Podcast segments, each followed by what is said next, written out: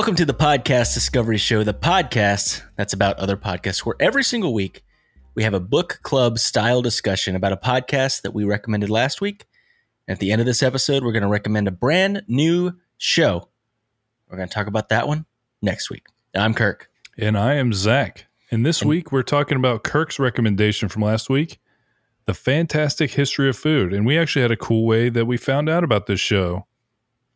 Yeah, so Podcorn did not pay us to say this, but we uh, we've used Podcorn a few times to get advertisers on our show and also to advertise on other people's shows. And one of the people that reached out to us to be an advertiser was this podcast. And we picked people that we really thought was kind of like in our ethos, in our vein of like shows that we would recommend. And when I read what it was about, I'm like, there's no way that we probably can't talk about this one because it's we love history, we love food. Put those two together, you got some really great stuff. Yeah, I mean, literally, a lot. It's like show. lore, but about food. You know, it's like history of like crazy stories, but related to food. Um, and the two episodes that I recommended were episode 19, Tomatoes Were Blamed for Witchcraft and Werewolves, in episode 15, Three Tales of Cheese. Uh, what was the subtitle there? From Egyptian mummies to Uruguayan cannonballs. Uh, so much. There's just so much to that Yeah. one specifically. I loved the cheese one. I'm not gonna lie. It, it was, yeah, no, the, uh, but mainly just because it was ridiculous. some of the things that were happening in it. But um, yeah. Uh, the ho- the the show is hosted by Nick Charlie Key. Uh, I, I'm pretty sure he's in South Africa. If I'm if I'm mistaken, I'm sorry. All the social media and stuff points to South Africa. Um, but he's also an author of a book, a best-selling book called The Bant Wagon Cookbook. First of all, I love the play on words like bandwagon, but Bantwagon. Uh, but I what made me think of what made me like, well, what's a Bant cookbook? What does that mean? And uh, I did a little bit of research, and it kind of made me have like a mini discovery about what a banting diet is.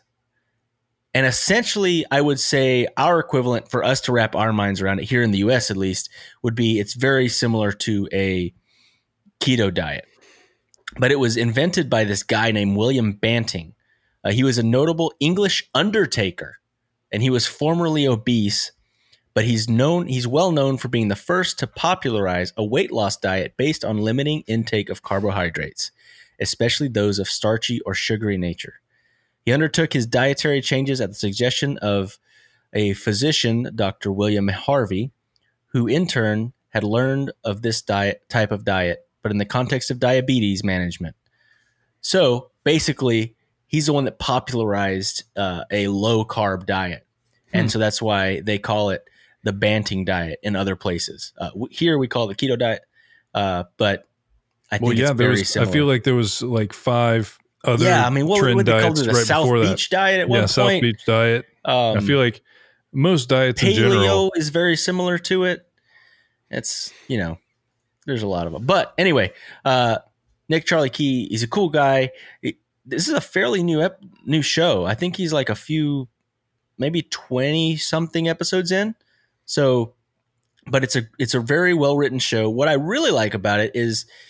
Um, like I said, it's similar to lore, where you can tell that the the the show has been written and uh, very well researched but that means that you can get a transcript of the show and i love that it makes things a lot easier if you miss something or there's something you want to reference on his website he's got a really nice website for the show as well um, he's got all the links for all the sources and stuff and I, I i just love when someone is that intentional to put the effort into sharing all the links and stuff like that for a uh, a show that they spent so much time researching. Yeah, you can tell that he has put in the time to understand these things, but then he also has a knack for storytelling. Uh, it, it is something where throughout it, you're learning sometimes ridiculous things. We will definitely get to some of the. actually, it's ridiculous in both of these, like full on ridiculous. the things that he's talking about, but both of them are heavily researched. There's a lot of instances that he references, but then it's fun to listen to. Well, fun and terrifying. Honestly, that's the thing is the cheese one I feel like is fun. The Mhm. tomato one is more terrifying Mhm. than that. I listened to another episode and I wanted to bring it up, but it was two episodes back to back, and I didn't. I didn't want to talk too much about that one topic. But it was about coffee, and I think we mentioned it actually maybe a little bit last week. How like coffee at one point was, it, it was illegal longer in some countries than alcohol, Hmm. uh, and to the point where p- people were being killed if they were seen drinking coffee. it's just crazy, and it's dark, but it's also just like history's crazy and i don't know. It, it was fascinating. But so let's jump into the episode specifically about tomatoes first.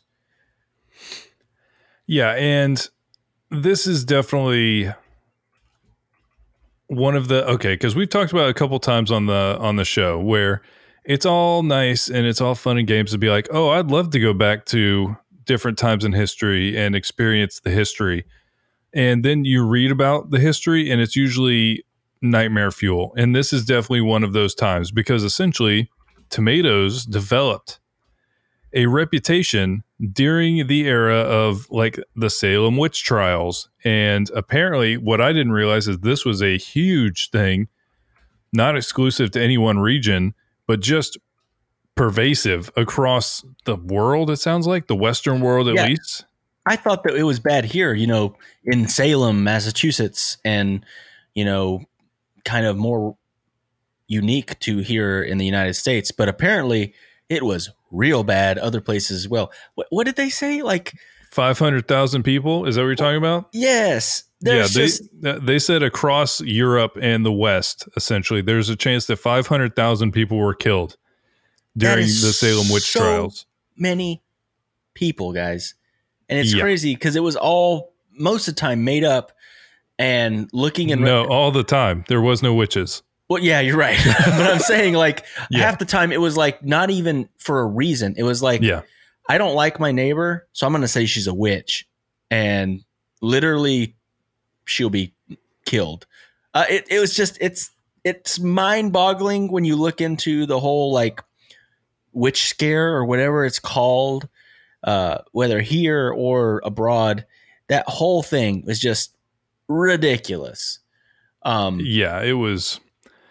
And so that's kind of the backdrop on why tomatoes developed this weird thing. And and yeah, they are very close to the nightshade family. My brother insists that he uh, has a light nightshade allergy that causes him to feel sleepy when he eats tomato products. Yeah, I remember Josh saying he had a little bit of a uh, allergy to tomato products. I think it's just because he gets tired when he eats pizza, and so he says that's that's what it is. For some reason, I get tired when I eat pizza or spaghetti, so I must have an It's- allergy it's to the allergy tomatoes. to nightshades. um, but the thing that was crazy to me is not only was it like involved with witches or whatever, but somehow it got morphed to tomatoes will turn you into a werewolf. Yeah, and all of it is kind of based off a tomato is closely related to other things. And obviously, this is like pre science, heavy theocracy, and like weird times. So there was no voice of reason on, hey, that's not actually the plant you think it is. But this all started because I think he said the Pope literally said that the witch's concoction that she makes is some kind of plant, and the plant kind of looked like a tomato plant. And that's it. That's literally it. But then tomatoes became this thing where people saw tomatoes in your garden. They're like, ugh, oh no, she's got the devil fruit. She's going to be a witch. Yeah, so- but they also mentioned how like the plant, the tomato plant, looks very similar to nightshade plant, which is poisonous, and the you know the fruit for like cherry tomatoes looks very similar to a mandrake, which is also poisonous. So early uneducated people, they obviously you know were very skeptical of anything tomatoey because because they thought they might be poisoned as well. That actually makes a little bit more sense. That does make witch- more sense than than the the witch witch stuff. than the witch angle that. of all of this. Yes, yeah, being afraid crazy. of poison is a good idea. Something that stood out to me, just talking about this absurdity of the witch scare, which now we're going to go to a different absurd thing, which was the Spanish Inquisition. But there was something that kind of clashed with these together, which was the Spanish Inquisition we've talked about recently, actually, and it was just ridiculous, crazy. Oh, it's just it's one of the it's very similar to the to the witch thing. It's just it's crazy. But during the Spanish Inquisition, to believe that witches existed was to be a heretic and then you could be killed. So you couldn't even accuse someone of being a witch because that means you believe in witches and then you would be killed. So Spain ended up being one of the safest places to eat tomatoes.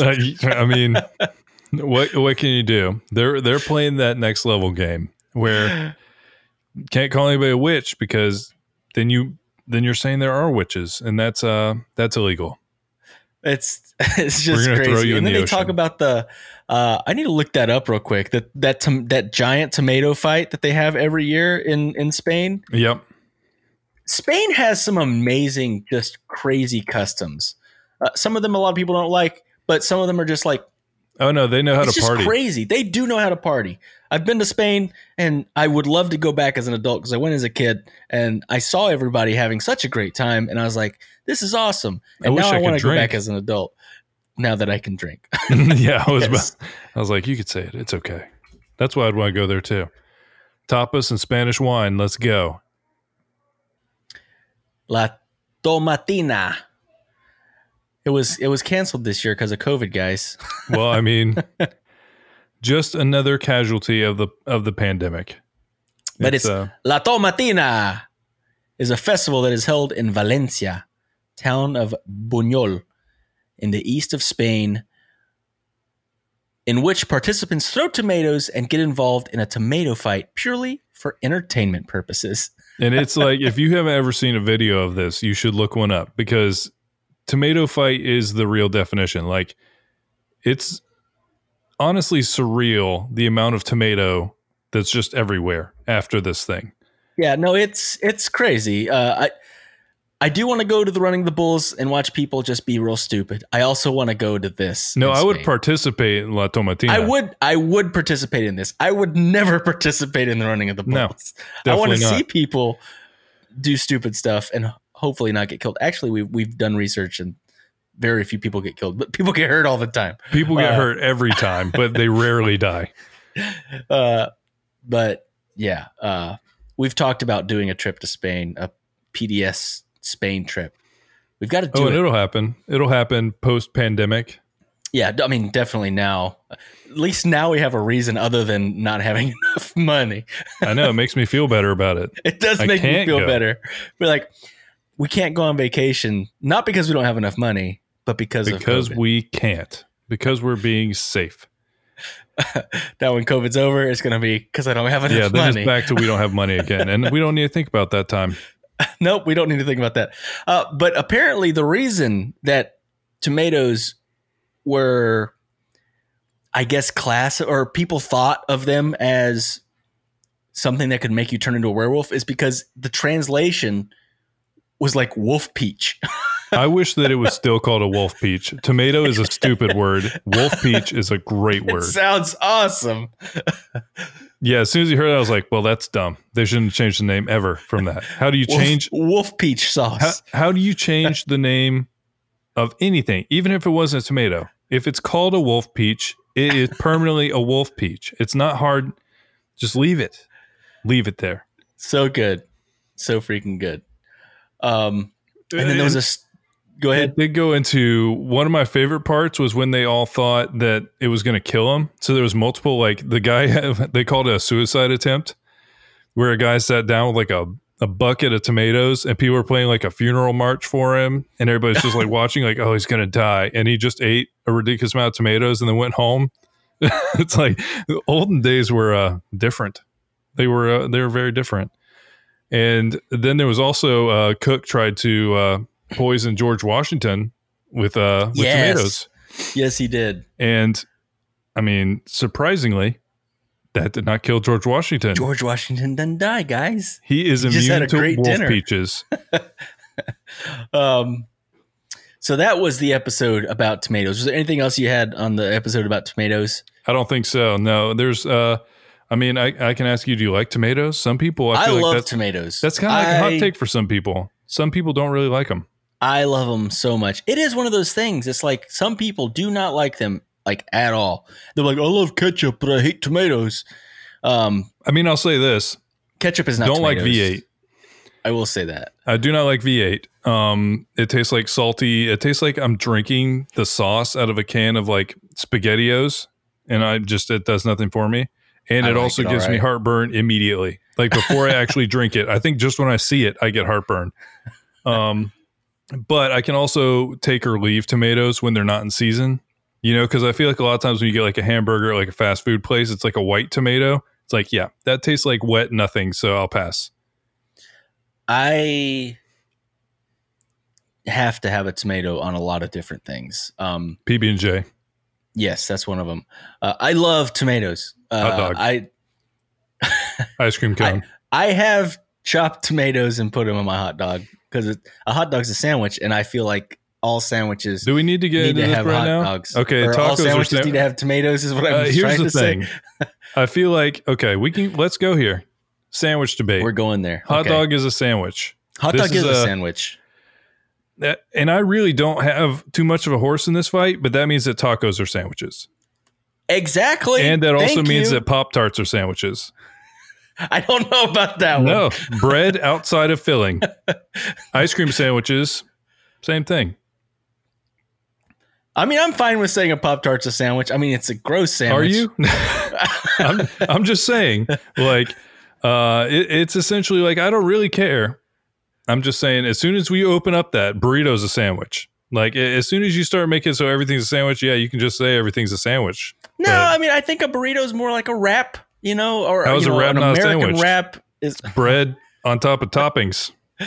Uh, but yeah, uh, hot dogs are sandwiches, and now the food czar of the Gravity Beard interns, Paul Chomo, the host of Varmints podcast, has now officially come out and said that hot dogs are sandwiches. After like four years of pressure, he's finally caved and said that hot dogs are sandwiches. I also think that he could be doing this to just troll people the other way because then he will have trolled every single person in Gravity Beard's interns. I mean, he definitely trolled me because I've been telling him all along a hot dog is a sandwich. But anyway, I have put tomatoes on my uh, hot dogs because it's great. Yeah, no, it's and the Chicago dog has definitely leaned into putting lots of veggies on there. Mhm. So that's not that crazy. But yeah, then we get to cheese and the crazy things that happened with cheese. Uh, first of all, I was highly disturbed by the origination of cheese. By the- Right? uh, yeah, not good. I would not Um, have guessed that. So I don't know what I would have guessed, but that wasn't not it. not that not that like i would have guessed somebody left out milk too long or I- like that's what I they were thought. They were taking milk to like deliver it to somebody but and i mean it kind of was that. So people used to have dairy and they didn't have cups. So what did they carry it in? They carried it in like stomachs. Animal stomachs. animals. And without knowing it by pure accident they carried dairy in the stomach of an animal and the enzymes to make cheese was discovered there because they were wandering rennet. around. Yeah rennet they were wandering around one day with their stomach tied Just to their belt it around. yeah just sloshing on their adventures and then they get there and they're like this milk is chunky now i'm still gonna eat it though and then there was cheese then cheese was born. and, and there was like and don't get me wrong this is a a staple food for everywhere i think at this Let me point ask you, Zach, how much do you love cheese? I don't love cheese i Zach- don't love cheese Is an animal in the fact that he doesn't love cheese. i It kind of. Sa- I will say, I know you enough to know that you're not actually a picky eater, but this episode makes it sound like you're a picky eater because you're like, I'm not crazy about tomatoes. I don't like cheese that much. You no, know here's I mean? the thing: if it's a fresh tomato, I will eat it every time. And like on a sandwich, I used to eat tomatoes like apples when I was a kid. I would literally just pull them out of the fridge and eat the whole thing, like the whole thing. I still do it every now and then, but now I put a little salt, sometimes and mayonnaise. I, I don't even know it's, if it's worth going into uh, my cheese stuff. Everyone I've talked to about doesn't get it. I'm fine with cheese as part of a thing. You will never find me eating just like cheese sticks or just cubes of cheese. I ate cheese sticks tonight. yeah, I don't mm, won't happen. But as part of like a thing, I never like I never fight back on it. But no, I'm not like a, a person who has to just like stuff myself with cheese ever. But I like pizza. You know, I I'm a complicated cheese. person. Dude, you give me a charcuterie board and I will be so happy. I love cheese and I love meat. No, and I don't mind Give me both them charcuterie board Woo! as bad because you can throw like pickles. It's like a mini sandwich. Pickles. Talk about Spain cheese. again. I want to go to Spain so bad because the thing that I remember is going to all these bars as a kid with my parents and just being blown away by how good the cheese and meat was. And you get it for freaking free everywhere you go because they have tapas. And tapa bar in Spain is you buy a drink, you get a free appetizer. That's what it is. It's not. I hate when I see people like, I'm gonna go to the tapas bar and then get appetizer for like 15 bucks each, and it's like this tiny little thing. It makes me so triggered because No, I'm like, they took a. I've been to a tapas bar. I've been to a tapas genius. bar. The, the only thing you pay for is drinks. Everything else is free. Yeah, it's it's genius marketing on their part. They're like, we're gonna let's give them less food and charge them more and call it tapas. Let's give them a lunchable and then charge them freaking 15 bucks for if it. If someone charged me fifteen dollars for a lunchable, they're getting punched in the head. Uh, no, Uh. but basically, uh, I don't know. I have a complicated relationship with cheeses, but in like a charcuterie setting, it's usually fine because it's not like I'm just going to eat a piece of cheese. It's going to be like a that's the real version of a of a lunchable is uh charcuterie. But yeah, so basically they discovered the the way the weird way to make cheese, which is wandering around. And after that, it began to evolve in different ways. Um, so I, you said it was, I think it was the Romans who were, Yes. yeah, yeah, yeah, yeah, Mhm. because it was Italian. It was like Mhm, Romano and uh, Parmesan, really hard cheeses that literally you have to like crack open with like a hammer and a chisel, and they would carry those around with their warriors because it would maintain its structure and they could eat it while they're traveling and things like that. I don't know why, but for some reason it reminded me of like Lord of the Rings and the lembas bread. Yeah. No, it's basically the same concept. It's like just hang on to it. Uh, but also I wanted some hard cheese when I when I heard about it.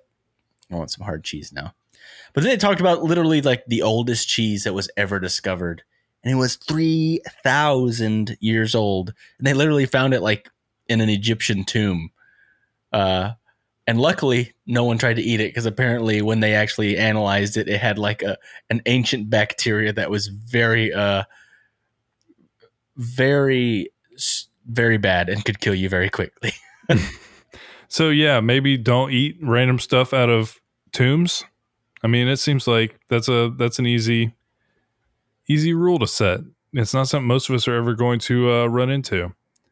Then he actually talks about something that I think you brought as a discovery on Todd's once, right?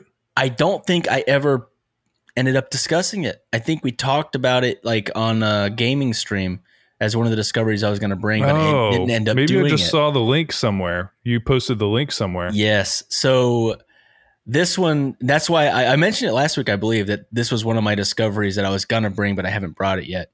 And it was that Andrew Jackson, when he became president, a cheese farmer, um, to help celebrate this new president that he loved and wanted to, you know, and basically say, welcome to being president, the thing. Uh, this farmer decided to give Andrew Jackson a giant wheel of cheese. It it took 150 dairy cows being milked for four days to create this wheel of cheese, and it was almost two tons. It was huge. And then it went on uh, a little northeast tour on its yeah, it way went to on the a White House. tour on its way to the White House. You were like, "Well, you look at the size of that cheese. would you look at the cheese? Yeah, see, breaking the biggest cheese I've ever seen." Uh, People um, were bored. There was no internet. there was no internet. There was no TikTok. Um, There was no TikTok. Uh, even if there, even if there was TikTok, you know that everybody would be taking TikTok videos of the cheese. for sure. Um, I, I wanted to read this one quote. It, it it talks about because he didn't eat the cheese for a long time. It literally sat in the White House for almost eight years. Uh, and, And, then this is by far the most disturbing part of the story to me. hey, it was aging. It was it was getting better. It's like a, It was cheese is stinking like up a the White House. fine wine, but cheesy. Uh, um, It's like a fine cheese. fine aged cheese. Anyway, uh, he decided to break out the cheese. He decided to cut the cheese on his his leaving party, basically his farewell uh, dinner that he had. And there's a quote. He said, "For hours did a crowd of men, women, boys, and girls hack at the cheese, making large, taking large hunks of it away with him." When they commenced, the cheese weighed 1,400 pounds, and only a small piece was saved for the president's use. The air was redolent with cheese. The carpet was slippery with a soft, creamy layer. All of this is so disgusting. and trampled as they went, and nothing else was taken about, talked about in Washington for many days after. Even the scandal about the wife of the president's secretary of war was forgotten in the tumultuous jubilation of the great occasion. The cheese. This The all sounds cheese. horrifying. Can you imagine what it smells like to crack open an eight-year-old, fourteen hundred pound block what do you of think cheese? Parmesan is? It's like super old. Some of oh, these and are like stanky. ridiculous. No, but Yeah, not but like yeah, but it's also not fourteen hundred pounds in an enclosed space with people just like chewing on it and slipping on the floor with it and just like getting cheese air everywhere. It's a cheese slip and slide, Yeah, man, just- in the White House. Place covered with cheese air and just cheese grease all over the floor. Sounds amazing. It sounds It like doesn't. my Sounds amazing horrifying. dream, like an amazing dream. And I like how these savages were just like gnawing on a freaking old thing of cheese. It's like, give me a give me a wedge of that. Give me a wedge of that. um, I will say this last story though It was my favorite by far was far. my favorite of Yes. any of these stories. It's just it's so great. I mean, people were killed in it, but it's also so great. The time that cheese killed people. yeah, I'm sure there's been more. there's probably multiple times, but um, it was a story about a, basically a battle. It was between Uruguay and Argentina, correct? It's uh, I think so. And so it was a ship battle in the middle of the ocean, and I don't remember people's names and stuff like that, but they were having a battle. The Uruguayan guy's like, "Oh, we've got him on the run! Fire!" And nothing happened. He's like, "Why aren't you firing, guys?" And his crew's like, "We used all the cannonballs." And then he's like, "And this is a resourceful guy, man. This is a resourceful dude right here." He's like, use all the cheese. And so they shoved the cheese into the cannons and they shot them at the Argentine Navy that was trying to retreat. They broke the mast of the other ship. They put holes in the sails of the other ship. There was cheese shrapnel that was freaking going everywhere. It literally killed like three sailors, and and the Argentine Navy like completely ran away with their tail tucked between their legs because of the these cheese cannonballs that were fired at them, and it was great. I like to think that he said some awesome like snappy little line after they run away. You know what I mean? What is that snappy line, Zach? I'm trying to think. Okay, how about like fondue? More like fondant. Oh, no, I don't know. I don't like that one. it's so bad. no, it's not. it's It's so, so. I good. mean, I don't have a better one, but it's so bad. but yeah, I loved that story. That was probably my favorite story. But it was a great show. It was very well researched. If you go to, the, I, I put the links in the in the live show for, you know, some of these episodes for the transcripts. They have pictures. Um, Nick does a great job in narrating the show, and I don't know. I, I loved the show. I learned a lot, and history's crazy, and food's awesome. How about this? I just made them a new tagline. How about this? now you're fun doomed. no, it's even worse. Fun, Oh. don't do that anymore. Come on, stop it. Okay, fine. I'll stop. no, it is. stupid cheesy it's a- jokes. It's a great. It's a great show. Yeah, you learn a ton. It- honestly, I've always found the origins of foods completely fascinating. I, I don't know. It's just so important to culture, and then there's always some weird origin story that I want to hear about. And this show does exactly that. They dig in, and it's it's a great show, and everyone should check it out.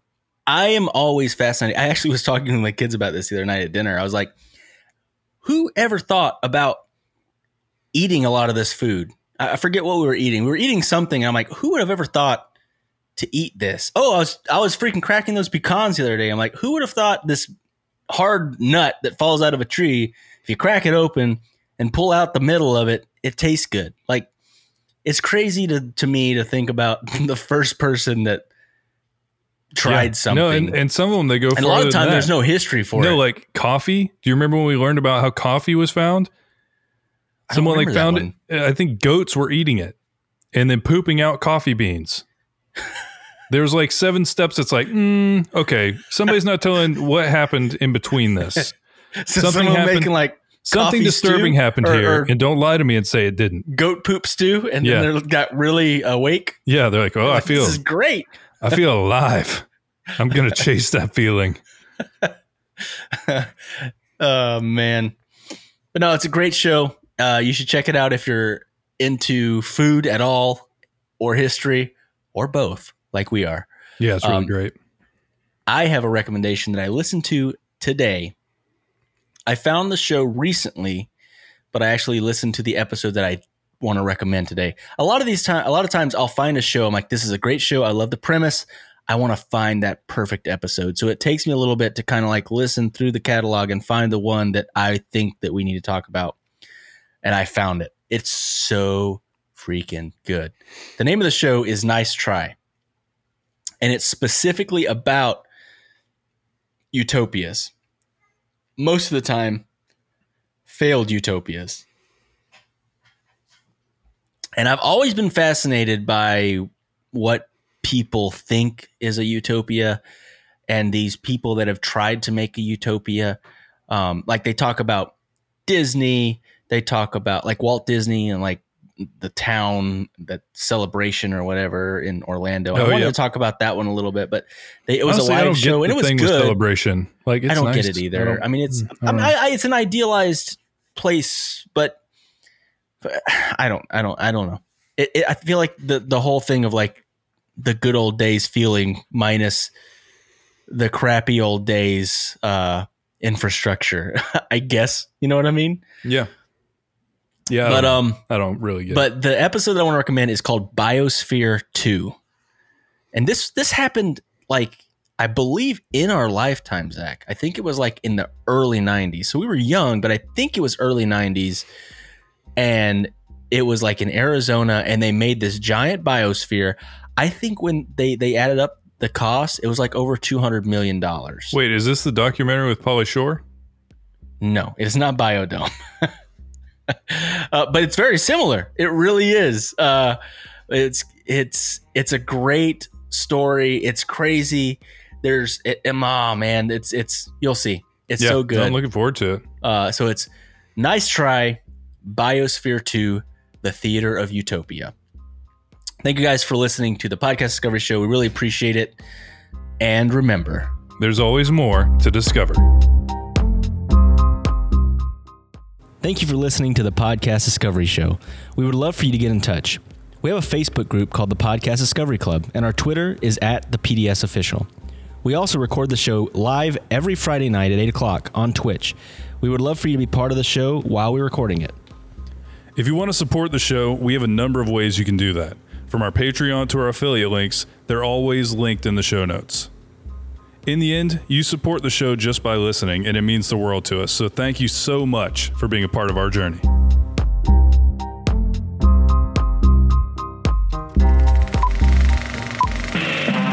This was a podcast from the Podfix Network. You can check out more shows like it oddfixnetwork.com.